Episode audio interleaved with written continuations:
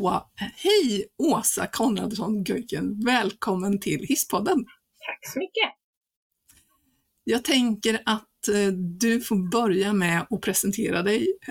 Även om du inte behöver presentera dig för mig så tänker jag att de som lyssnar vill nog gärna veta varför vi just ses idag och vad du gör eh, när du inte sitter med mig i podden. Ja, nu får ni hålla i er. Jag har ett ganska, spretig, ett ganska spretigt liv, men um, jag har en eh, anställning vid Uppsala universitet som universitetslektor i farmakologi och jag är också docent i farmakologi, vilket innebär att jag också bedriver forskning. Eh, och eh, det gör jag inom fältet för neuropsykofarmakologi och då innebär det att jag tittar på på nya strategier och verkningsmekanismer för läkemedel som riktas till sjukdomen schizofreni. Eh, jag har ett eh, brett engagemang i samhället när det gäller när det gäller eh, svåra psykiska sjukdomar. Eh, och jag har relativt eh, nyligen klivit på som förbundsordförande i Schizofreniförbundet på riksnivå, så där jobbar jag 20 procent nu eh, sedan, eh, sedan första juli. Eh, men jag sitter i andra, andra eh, andra styrelseledarposter också som, som är viktiga för, för att bedriva eh, både forskning och eh, ökad kunskapsspridning för, för de här sjukdomarna. Så att jag sitter i en styrelse som heter WOMHER som strävar efter eh, att höja kunskapen och forskningen som riktas kring eh, eller till kvinnor med psykisk sjukdom. Eh, jag sitter i arbetsgruppen för NNNP som är ett nationellt nätverk för nydebuterad psykos. Jag sitter också i en europeisk eh, organisation som heter EUFAMI. Så att jag har eh, många trådar ute. Jag skriver böcker jag har lanserat en bok om schizofreni på populärvetenskaplig svenska tillsammans med Ylva Wächter och Sten Friberg. Och jobbar också just nu med en, en barnbok eh, som handlar om hjärnans sjukdomar tillsammans med min kollega Claes Kylander här vid Uppsala universitet.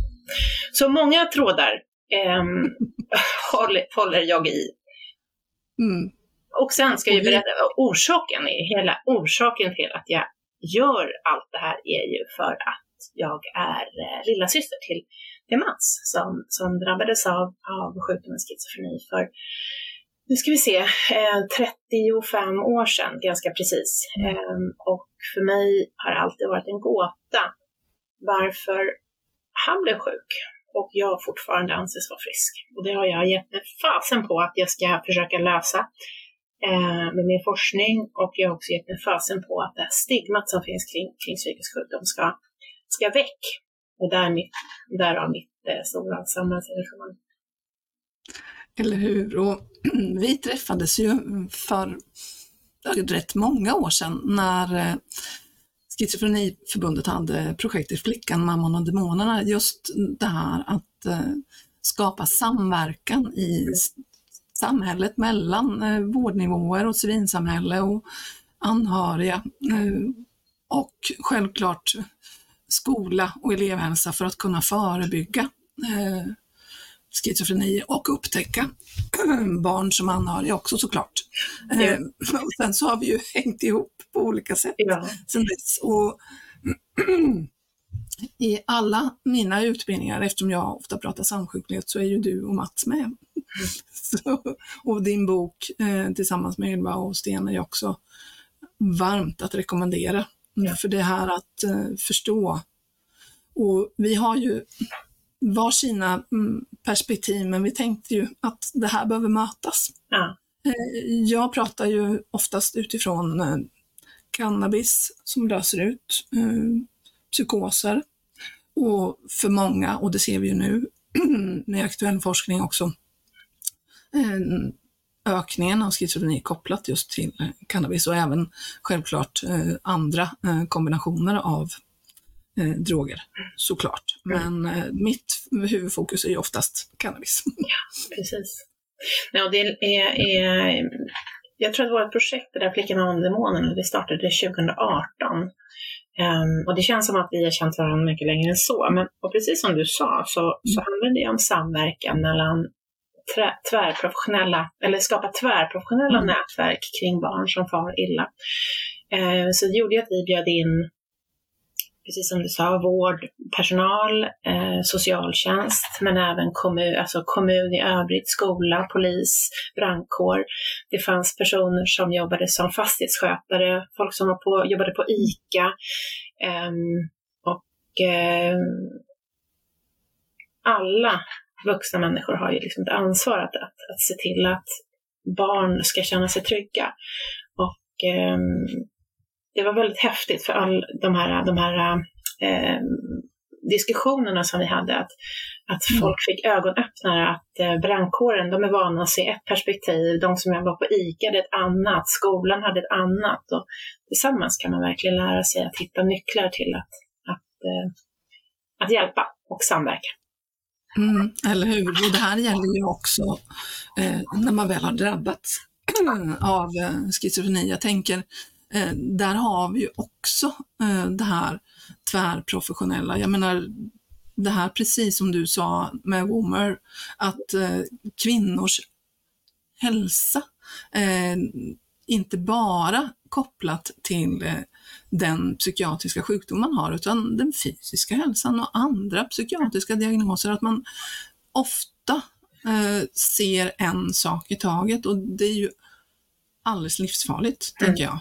Mm. Och, och, jag tänker din forskning som är också kopplad till eh, läkemedel och skillnaden mellan män och kvinnor. Mm. Jag tänker det är också väldigt viktigt och intressant. Ja, och det tror jag inte så många, så många känner till när det gäller just schizofreni, att eh, det finns ju skillnader mellan, mellan i, i själva sjukdomsbilden när det gäller mm. kvinnor och män också, men, men det är inte jättemånga som känner till att att kvinnor svarar bättre på, på läkemedelsbehandling än män, mm. eh, men får värre biverkningar eh, när det gäller eh, eh både viktuppgång eh, Eh, och som då gärna leder till diabetes, eh, men även när det gäller effekter på hormoner, som till exempel prolaktin. Så att man har kunnat se att, att eh, kvinnor har faktiskt en, en, kvinnor har en hög risk att utveckla inte bara benskörhet utan även bröstcancer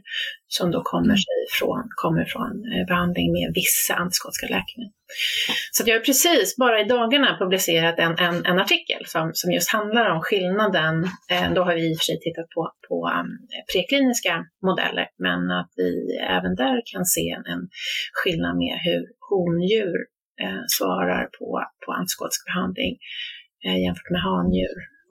Eh, att det faktiskt skulle kunna vara till hjälp eh, när, eh, att, man, att man tittar på de här bitarna innan man börjar, börjar med sina kliniska prövningar. För det finns mycket data att hämta innan de kommer ut till människor. Ja, och det är ju det här också som, alltså att koppla forskning till praktik men också till de här könsskillnaderna. För det, det handlar ju, eh, alltså när vi pratar eh, både schizofreni och det, det jag kommer ifrån, beroendevård, mm. så handlar det ju väldigt mycket om stigma. Det handlar också om att inte kunna se skillnad på kvinnor och män och det handlar också om eh, det här vidvinkelseendet, att kunna se hela människor men också specifika skillnader. Ja. Och det är därför vi ofta hamnar i eh, dialoger med varann och tänker att vi kan göra saker tillsammans därför att det finns inget annat sätt än mm. tillsammans, men också med med en expertis. Kompetens. Mm. Mm. Ja. det är, är, är spännande och väldigt mycket, väldigt mycket av, av eh, doser som vi använder kliniskt är ju baserat på, på män. Eh, kvinnor och män har en, en de, vi, ser, vi, ser, faktiskt ganska olika ut på, på, på utsidan men även på insidan. Eh, så att, så att eh, kroppens funktioner skiljer sig mellan, mellan kvinnor och män. Och det är inte heller någonting, man, man ger högdos eller lågdos. Men för mig är det väldigt konstigt att man inte använder sig av kilo kroppsvikt till exempel. Eller, eh, Precis. Som man gör mm. i, andra typer i läkemedelsutveckling.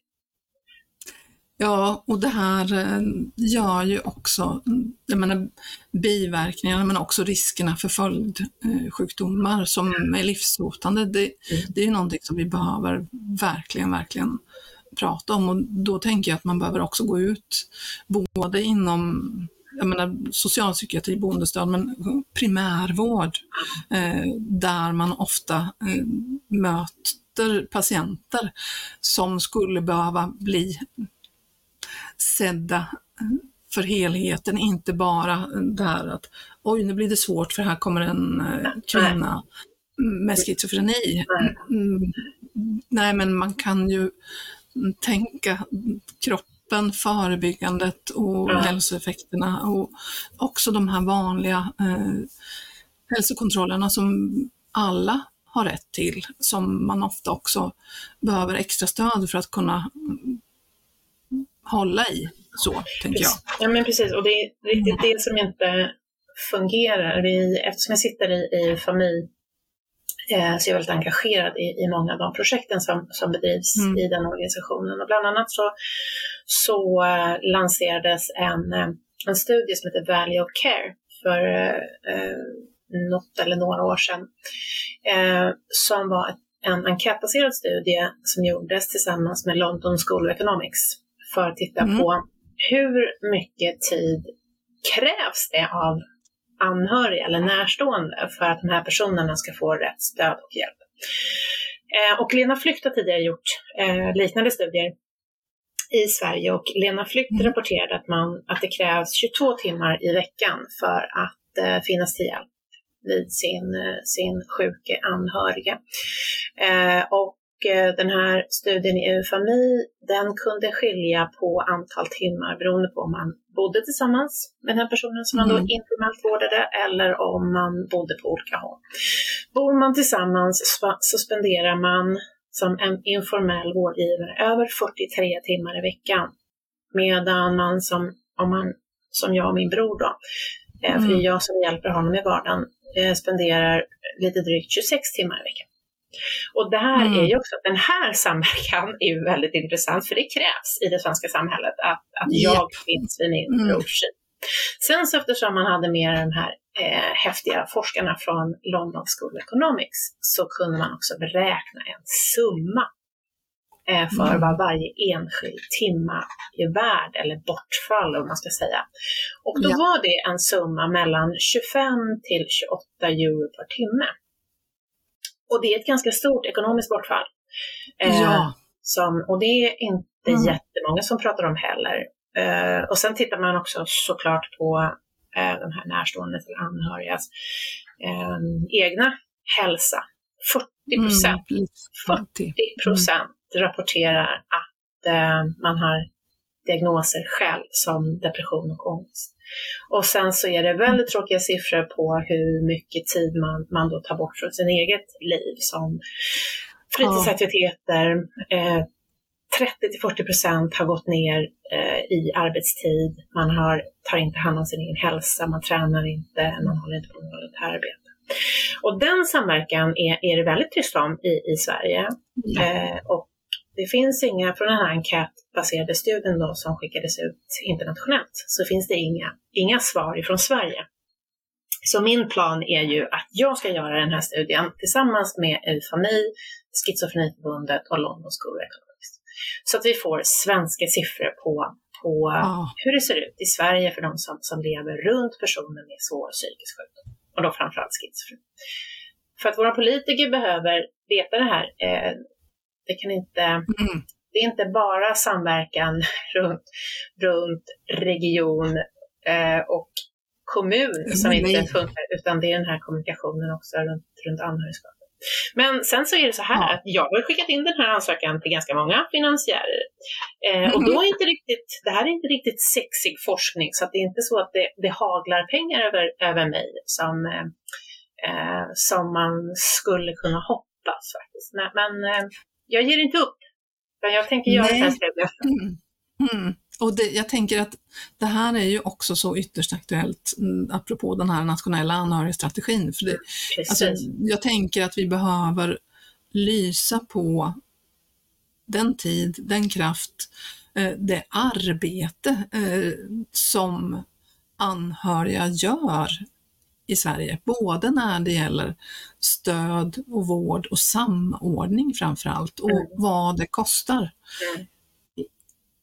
jättebra med ekonomiskt men också ja. hälsoeffekterna. Ja. ja, men det är mm. ingen som tycker att det är konstigt. Och alltså alla, det är, det är inte bara psykiska sjukdomar som, som kräver att anhöriga Nej. hjälper till. Uh, vem som helst som, som har sett Alzheimer på nära håll till exempel förstår ju att, ja. att man hjälper till. Men, men där finns det eh, där finns det faktiskt stöd Mm. Särskilda team. Ja, men det finns också... Det, ja, mm. precis. Um, mm. Och vi har ju, det finns ju någonting som jag tycker är en, en position som jag inom inom vård och kommun, eh, man kan jobba på olika ställen, det är ju de här anhörigkonsulenterna som, som, ja. Som finns just för, för oss då som är närstående. Um, för jag tycker också det här, det är inte bara anhöriga, utan jag vill gärna säga mm. närstående, för de som finns runt personer med svår psykisk sjukdom mm. behöver inte vara familj, utan det kan vara en arbetskamrat eller en ja. kompis. Mm. Mm. Så det är eh, viktigt att komma ihåg att det finns, det finns många hjältar där ute som, som faktiskt hjälper till. Ja, och som vi också behöver mm, respektera och ta med mm, när vi jobbar i vård och omsorg. För det, det är någonstans där när jag började arbeta i, ja beroende jag ska inte säga i vilken stad, för det, det här är skämmigt faktiskt. Eh, då, eh, och det var ju på 90-talet eh, när jag bytte arbetsplats, så sa man till mig så här, nej, anhöriga mm, jobbar vi inte med, det är för jobbigt. Ja, och, och, då frågade jag, eh, alltså de som kommer hit, bor de hemma hos er? Och då tittar de på mig precis som att är du helt galen eller? För jag sa, vad, om man kommer hit kanske en timme i veckan, kanske tre gånger i veckan, eh, så är det rätt många timmar däremellan. Mm. Och vem är det då som finns? Jo, men det är ju eh, anhöriga, närstående, vänner, eh, arbetskamrater. Jag menar, det är ju liksom ett sätt att eh, säga att en mottagning som jag ja, under ganska stor del av mitt yrkesliv har jobbat på är viktig. Ja. Men den är inte viktigast. För det som är viktigast är ju det livet som pågår och hur den kvaliteten ser ut för både den som är huvudperson men också för de som finns runt omkring, ja. som inte är personal. Ja, men precis. Och sen så tänker jag också, mm. jag, jag brukar säga det när jag, jag håller föredrag, att, att eh, jag hjälper gärna min bror. Mm. Eh, för att det är faktiskt så att jag har mer kunskap om, om, om läkemedel som ska användas vid den här sjukdomen än, än många kliniker. Eller de flesta kliniker, för de har ja. inte den tiden som jag har att sitta och förkovra sig eh, i, i litteratur av naturliga skäl. Eh, men, men jag brukar också säga att det, vi, eh, det, det ska ju finnas ett system som gör att min storebror ska få vara just storebror. Och att jag mm. också ska vara lilla syster. Um, jag har ju kämpat och slitit mitt hår för att han ska få den hjälp och det stöd han har idag i hemmet, vilket är boendestödjare, fantastiska människor. Um, men han får också hemhjälp. Um, ja. Och det var tufft för min storebror att inse att han behöver hjälp med städning och han behöver hjälp med, med disk. Men, men det är inget konstigt, uh, för um, sjukdomen har en, en sån uh, karaktär i liksom att den, man blir inte bättre i sin sjukdom uh, på något sätt, utan, utan den tar nya knyck med tiden. Ja. Och det gäller Ja, mm. och eh, det brukar jag också säga när jag föreläser för kliniker att de träffar ju, de träffar ju min bror och alla andra människor som, som lider av svåra psykiska sjukdomar, ja, kanske en halvtimme max mm. någon gång i månaden om man har tur, men kanske var tredje månad. Jag känner ju min storebror sedan innan han var sjuk och kan ja. med det eh, se små tecken på förändringar i hans beteende. Det behöver inte vara beteenden som, som ska leda till en psykos. Men jag ser mm. saker och ting som förändrar hans funktionalitet. Och funktionalitet i det här sammanhanget är ju att man klarar av att ta hand om sin hygien, sitt hem, mm. hålla sociala kontakter, sköta sina läkarkontakter etc. etc. Och det blir annorlunda med, med, med tiden. Ja, visst. Och man kan inte bara tuta på och bara köra, utan man måste anpassa sig. Men, mm. men, eh, men det här är ju, då härjar de ganska mycket. För, ja, för. Och, det tänker jag också att man behöver förstå att man inte helt kopplar, jag menar det finns ju ett åldrande mm. eh, som också kan gå snabbare. Det mm. finns ju de andra fysiska sjukdomarna och andra sjukdomar i hjärnan mm. som också kan dyka ja. på. Och, och den som är, alltså, somatiska hälsan också då? Så, ja, så. visst, visst. Ja, och, och, sen, det, och jag önskar ju mm. också att man, att man inte ser, ser diagnosen när man träffar en person. Precis, utan det är en person där bakom ja. Eh, och den personen har, har unika behov oavsett om man mm. har en diagnos eller inte. Eh, och det är också väldigt, väldigt viktigt och självklart så, så är det en stor sorg när en person drabbas av mm. schizofreni. Eh, för mig som då var 14 år, det var ju som någon drog undan mattan och tänkte det här, det här livet mm. kommer ju bara bli skit. och, ja, eh, men, men det går ju med rätt hjälp och stöd, mm, stöd, så går det att få ett bra liv även fast ja. man lider av schizofreni. Livet kanske inte riktigt, riktigt blev som man hade tänkt sig, men man, får leva ett, man kan leva ett bra liv om man får rätt stöd och hjälp.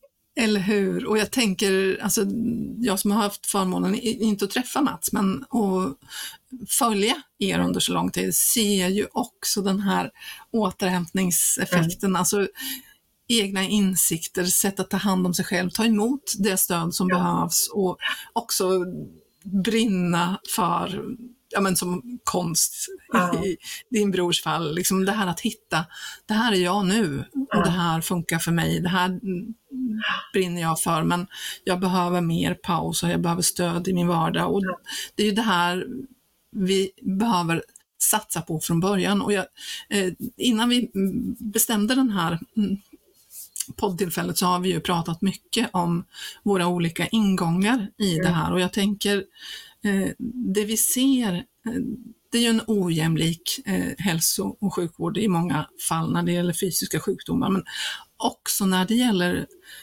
psykiatrisk behandling. För löser man ut en psykos med till exempel cannabis så blir fokus att sluta med cannabis. Mm. Inte att ge det som vi egentligen har haft i hur länge som helst. Mm. Eh, alltså tidig omvårdnad vid psykos när det gäller både personen, läkarkontakt, läkemedel, kunskap, anhöriga och närståendes kunskap och, och det här återhämtningsinriktade förhållningssättet som, som behöver starta liksom i samma sekund kund. Mm. Det, det är liksom, eh, nej, då, då ska man skärpa sig först. Ja, ja det, det, var, det, eh, Uppdrag granskning hade ju de här program, programserien vill jag säga nu, för det har varit flera program om, mm. om Sanne. Ja. Eh, där är en, en ung tjej som, och det behöver inte bara vara liksom schizofreni som är grunden till, till någonting, om det nu är grunden eller orsak och verkan. Men hon har ju i grunden en ätstörning. Mm. Och svår ångest som gör att hon har ja. självbehandlat sig med, med olika typer av droger och i det här fallet tror jag det amfetamin. Eh, och att man, tittar man på det programmet som, som jag såg det här andra mm. avsnittet, Hur gick det sen? Eh, så kan jag säga att jag grät mig igenom hela programmet mm. för att jag blir så fruktansvärt ledsen över hur det skryter om vårt Sverige när det är så många människor som far mellan stolarna. Just för att man har man ofta oturen att både drabbas av en svår psykisk sjukdom och mm. beroende, vilket också är klassificerat som en psykisk sjukdom. Men Exakt. i Sverige har vi delat upp den mm. vården. Eh, och jag hoppas ju för, för eh, att den här samsjuklighetsutredningen som, eh, som har pågått i, i Sverige, verkligen mm. att man, man tar till sig vad som står i den, att vi behöver, vi behöver med gemensamma krafter eh, ja. hjälpa de här personerna. För, för det, är, det är ingen, det, det, det är ingen som, som, som eh, ingen som, som eh, tar narkotiska preparat för att bli beroende. Nej. Eh, sen finns det olika, olika orsaker mm. till varför man, man testar, men, men det finns ju en, en mm. stor del de här personerna som, som faller i, i det här beroendediket som faktiskt självmedicinerar för att man inte klarar av att vara människa mm. utan att man kan skärma av. Visst. Eh, och det är, eh, man har ju alltid som människa ett, ett, ett val att man tar den där eh, den här drogen. Men, men, eh, det är ingen som, som vill bli beroende. Nej, och jag tänker också det här att eh, ta droger för kul eller alkohol för kul, det, det är en sak. Eh, men det här som vi pratar om när det gäller samsjuklighet, att eh, alltså, det är klart man kan mm, lösa ut eh, olika psykiatriska symptom med eh, droger, men det vi ofta möter det är ju barn, unga, mm. eh, som inte blir rätt bemötta för sin ohälsa, mobbing, utanförskap, eh, oro, ångest, depression, funktionsnedsättningar, traumatiska erfarenheter. Alltså där man då hittar ja, men lika väl som att man skadar sig så är ju mm. det här också ett sätt att hantera det man har varit med om eller det som finns inuti eller runt omkring en. Mm. Och då är det ju det man ska lägga fokus på. Mm. Eh, och innan man har en bättre lösning, det gäller ju all självskada, innan man har en bättre lösning mm. så använder man ju det man har. Mm, och det är därför vi behöver titta på det samtidigt. Och jag tänker, eh, vi pratade om, om England förut och jag har haft förmånen att jobba ihop med en tjej som jobbar på ett samordningsförbund som kommer från England. Och hon jobbade i ett helt annat fält än vårt, men hon jobbade som koordinator. Mm. Och den koordinatorn hade inte eh, på något sätt det här behandlande ansvaret utan tog fram bästa möjliga mm, vård och insatser och stöd för varje person. Och det, I det här fallet i hennes fall så handlar det om hjärtsjukdomar. Men eh, jag såg att de precis nu hade startat eh, ett liknande projekt nere i Helsingborg ja. där man skulle titta mm, ha en koordinator som tittar på de allra bästa insatserna. Och det här gäller ju egentligen eh, alla tillstånd, som, ja. för allting samverkar ju, men hamnar vi i vårt eh, område som handlar om psykoser och eh, beroende, särskilt, så är det ju stigmatiseringen som ligger före. Och mm. det här dömandet och det här att man tänker, precis som du sa, ja, ja visst man har ett val, men, men alltså är det både en lösning och sen att man utvecklar också en beroendesjukdom där man faktiskt får fysiska eh, och psykiska konsekvenser när man inte använder sin drog, så, så är det ju inte jättesvårt att begripa att man gör det man kan innan man får stöd och hjälp att göra på något annat sätt. Ja, precis. Det är, ingen, man greppar, det är inget konstigt. Nej, man greppar efter halmstrån. Det, ja. Förra hösten så kom det ut en, en väldigt intressant artikel där man har tittat på, eh, på eh, skandinavisk population eh, mm. år 2000 till 2016 och tittat ja. på låginducerade psykoser. Eh, och då kan man se trenderna, man har jämfört alla länder eh, med varandra. Det finns inte data mm. för, nu kommer jag inte ihåg om det är Norge som man saknas lite data på, men, men det man ser, trenden är att i början av 2000-talet så hade vi en högre incidens av eh, psykoser som var orsakade av alkohol, medan vi nu har en ökad incidens av, av um, eh, psykoser som är, är orsakade av amfetamin, kokain, cannabis och blandmissbruk. Eh, väldigt, väldigt, väldigt bra artikel som jag nu mm. använder i, i undervisningssyfte när jag föreläser om, om, eh, om läkemedel för, för beroende, beroendesjukdomar. Men sen finns det också en annan studie eh, eh som den är en dansk studie som också visar den här korrelationen mellan cannabis just, som är ditt intresse, ja. och utvecklingen av schizofreni. Och eh, eh, innan jag säger siffran där så ska jag bara nämna vad, vad eh, livstidsprevalensen är för, för övrig befolkning för att det drabbas av schizofreni mm. som är klassad som en kronisk psykisk sjukdom där vi inte vet varför där vi inte vet varför människor utvecklar och vad som är orsaken. Men vi har hypoteser och det är hypoteserna som vi använder för att behandla med till exempel läkemedel. Och vi har läkemedel som kan lindra vissa symptom men andra förvärras. Så 0,4 till 1 procent löper mm. alla risk att, eh, löper vi alla risk att eh, drabbas av schizofreni. Jag som första gradens anhörig, jag löper 5% risk. Eh, om man får en psykos som är orsakad av cannabis så löper man 40% risk att utveckla ja. sjukdomen schizofreni. Mm. Och det här är eh, när jag blir uppringd av journalister eh, och de ringer ganska ofta, då är ehm, huvudfrågan är den här genetiska delen som, mm. som eh, hur, det är väl en ärftlig sjukdom. Eh, och det här är också, det, här kommer sig av okunskapen, stigmatiseringen och eh, oh, jag har ju inte den här, den här läskiga sjukdomen i familjen så jag går nog trygg. Så är det ju inte. Eh, det finns Nej. ingen direkt korrelation mellan en gen och schizofreni, utan det är mer knepigt än så.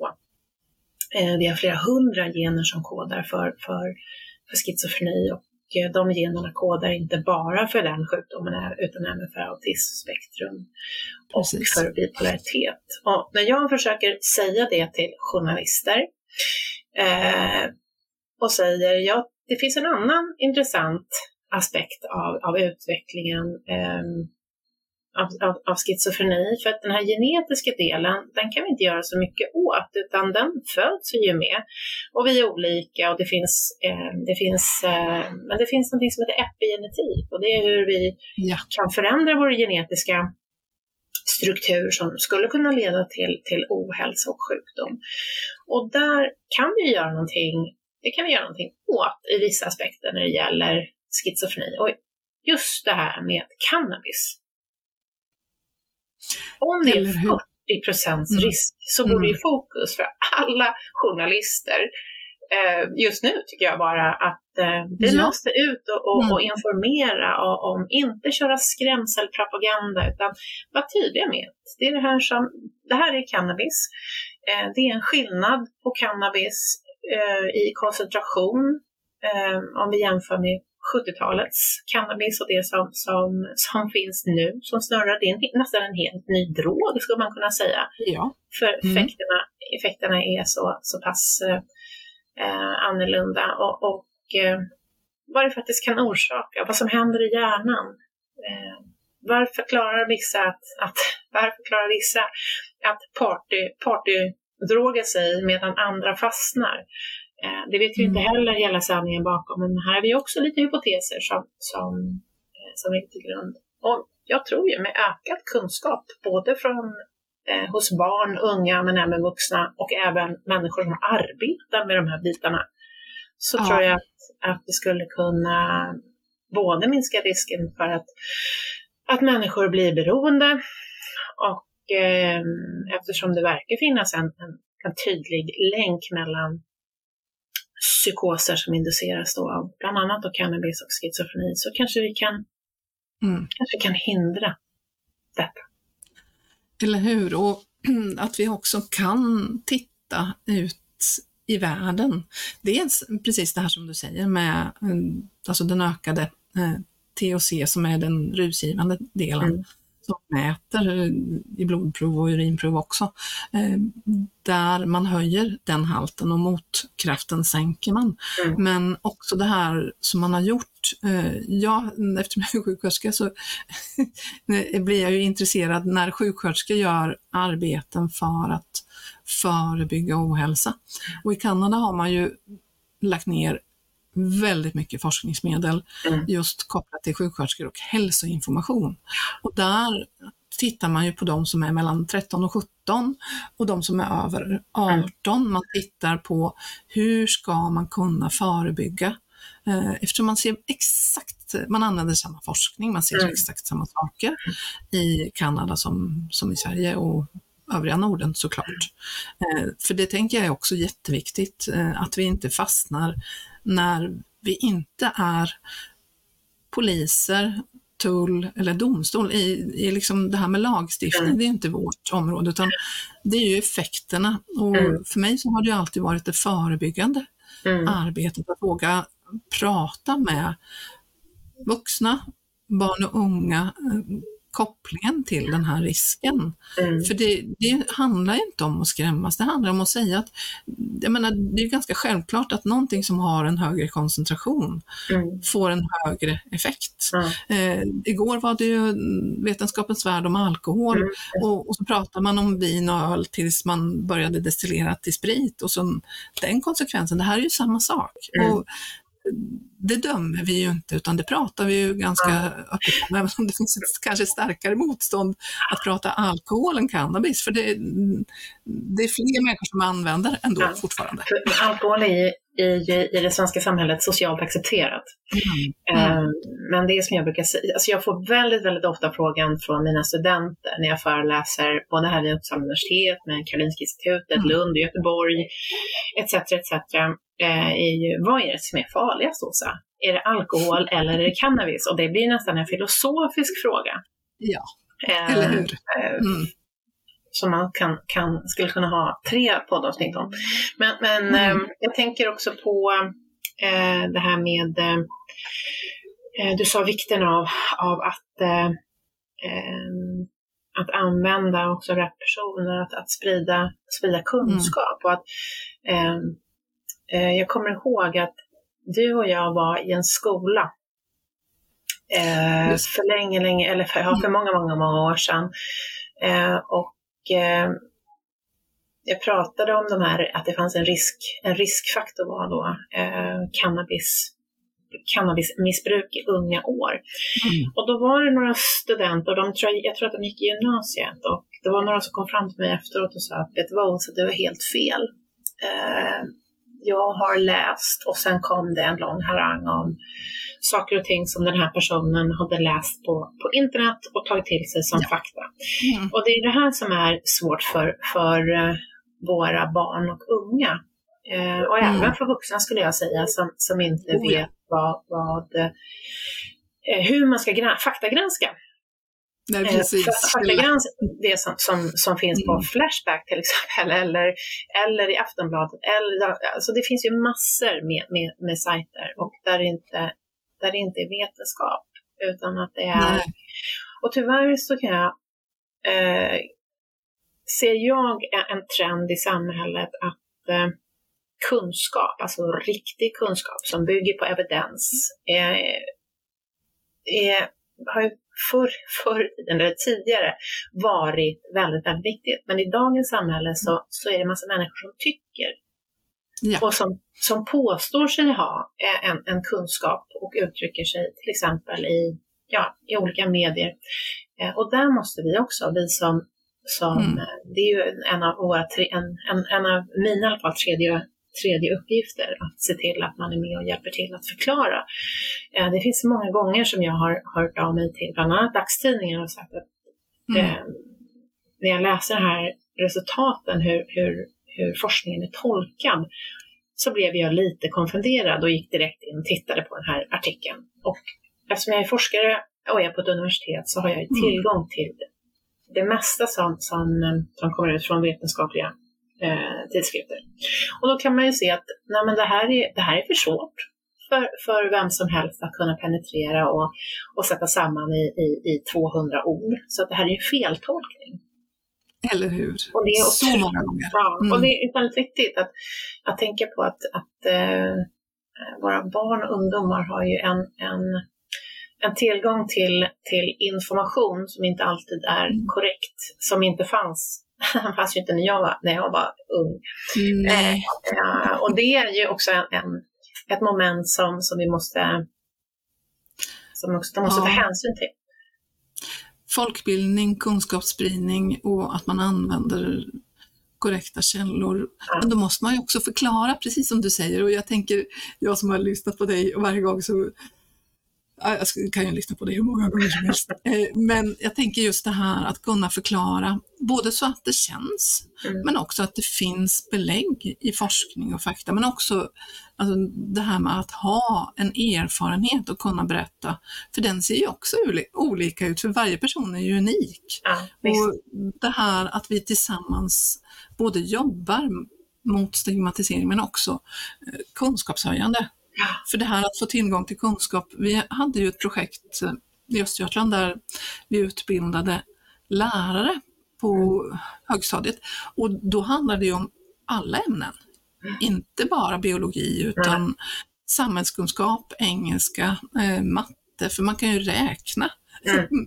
kopplingen i ja. det här, precis som eh, du beskrev förut också, eh, när det gäller eh, anhöriga och närstående och de ekonomiska konsekvenserna. Men eh, det här att eh, läsa på engelska, vad skriver man i engelska forskningsartiklar till exempel, eller samhällskunskap, vad, vad ger det här för konsekvenser, alltså det här med farlighetsdelen. Jag tänker möjligheten att bli sitt bästa jag. Även om man inte drabbas av en psykos mm. så blir ju livet annorlunda om man hamnar i en beroendesjukdom. Så är det ju. Ja, och det tänker jag att vi behöver prata om också utan Det handlar ju inte om att skrämmas utan det handlar ju om att ge barn och unga den bästa förutsättningen ja. för just sitt liv och ingenting annat faktiskt. Och, och jag tror att du trycker på en väldigt viktig punkt det här med att det var väldigt märkligt, eh, ett verkligt märkligt eh, inslag igår på nyheterna att eh, fortbildning för lärare har ingen effekt på, på, på eleverna. Jag såg det var väldigt märkligt. det var väldigt märkligt.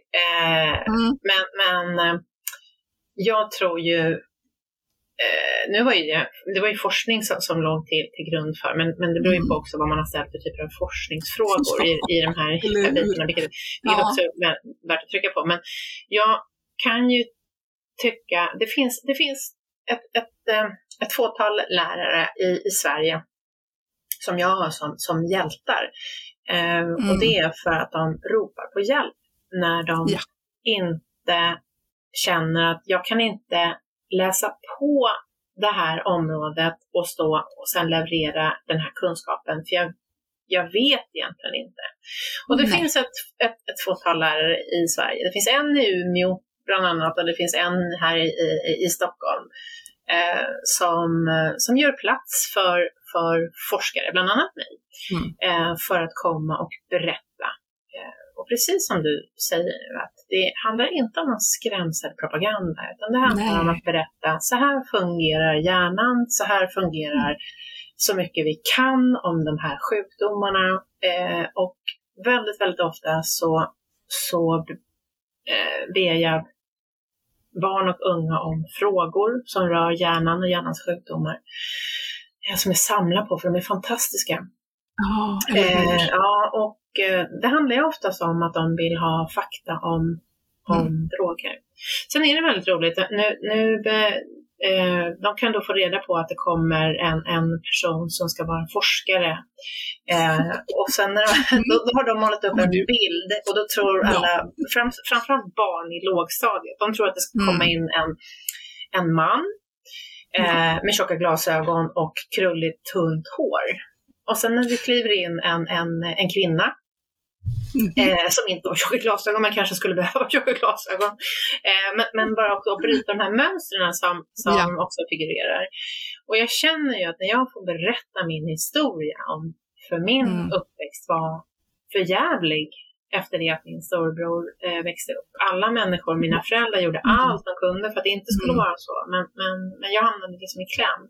Och när jag får berätta den historien för barn och, och mm de ser att, men 17, hon har ju ändå blivit eh, den personen hon är idag och, ja. och eh, det har ju gått ändå ganska bra. Då ser jag framför allt hur tjejer, unga tjejer riktigt sträcker på sig i stolarna mm. och känner, fasen om hon kan, då kan jag också. Eh, killarna i, i, i ung ålder, de har, har ju den här inställningen att de kan, att de kan allt liksom. Men, men tjejer, det är ganska tufft. Det är ganska tufft att vara ung mm. tjej idag. Eh, så jag tycker att det är, eh, det, det, är viktigt i flera, i flera nivåer. Både att eh, ge barn och unga kunskaper som är baserade på evidens, men också att ge hopp. Att nyfikenheten, mm. låt den ta plats och låt den driva dig dit du vill komma. För jag är ett levande bevis på det. Eller hur? Och det är ju det jag tänker, att vara ett levande bevis, kunna på det sätt som du gör berätta din historia, som är en så hög igenkänning för så många små anhöriga. Mm. Och det här att vara uh, ung och anhörig är ju också ett perspektiv som vi måste uh, lyfta. Mm. Att se att det finns vägar ur, men det här är saker vi behöver prata om och vi behöver prata med barn om. Absolut. För att inte hamna i att skämmas, inte våga berätta, inte kunna ta hjälp. För det, det är ju också en risk för egen del att utveckla både fysiska och psykiska mm, sjukdomar såklart. Så att eh, om vi värnar om barn utifrån alla våra perspektiv, mm. för det här handlar ju om forskning, det handlar ju om anhörigskap och, och det handlar ju också eh, om hur blir det då? Mm. Vad är det vi faktiskt skulle kunna förebygga om vi ja. alltså kunskapshöjer på ett eh, vettigt sätt som inte alls handlar om att skrämma utan eh, handlar om att hjälpa. Mm, och det är de som jobbar, men också barn, unga och vuxna. Ja, och just de här barnen som växer upp i familjer där det finns eh, schizofreni. Det finns en, en mm. organisation, eller man ska kalla den, som heter Opus i, i Danmark med Merete Nordentoft i, i spetsen, som både tittar på tidig intervention och vikten av det eh, mm. eh, vid schizofreni. Men hon har också tittat på familjemedlemmar och tittat på barn mm. just och tittar, ser att det finns en korrelation till att barn som, som växer upp i familjer med, med svår psykisk sjukdom har ökad risk att eh, få en försenad motorisk utveckling. Mm. Eh, få kognitiva och kognitiva, eh, kognitiv problematik. Och mm. all sån här kunskap är ju så otroligt viktigt för, för att också kunna eventuellt motverka, det behöver ju inte leda till schizofreni, men, men, eh, men att vara annorlunda, att kanske inte vara motoriskt i, i samma, eh, samma nivå som, som andra klasskamrater kan leda till mm. mobbing och, och utanförskap och, mm. och, även de kognitiva bitarna.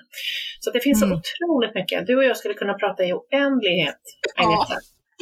Och det ska vi inte göra idag, utan vi ska liksom sy ihop det här. Ja. Eh, och jag tänker att mm, för er som lyssnar så kommer det också finnas både länk och bild till eh, Åsas bok.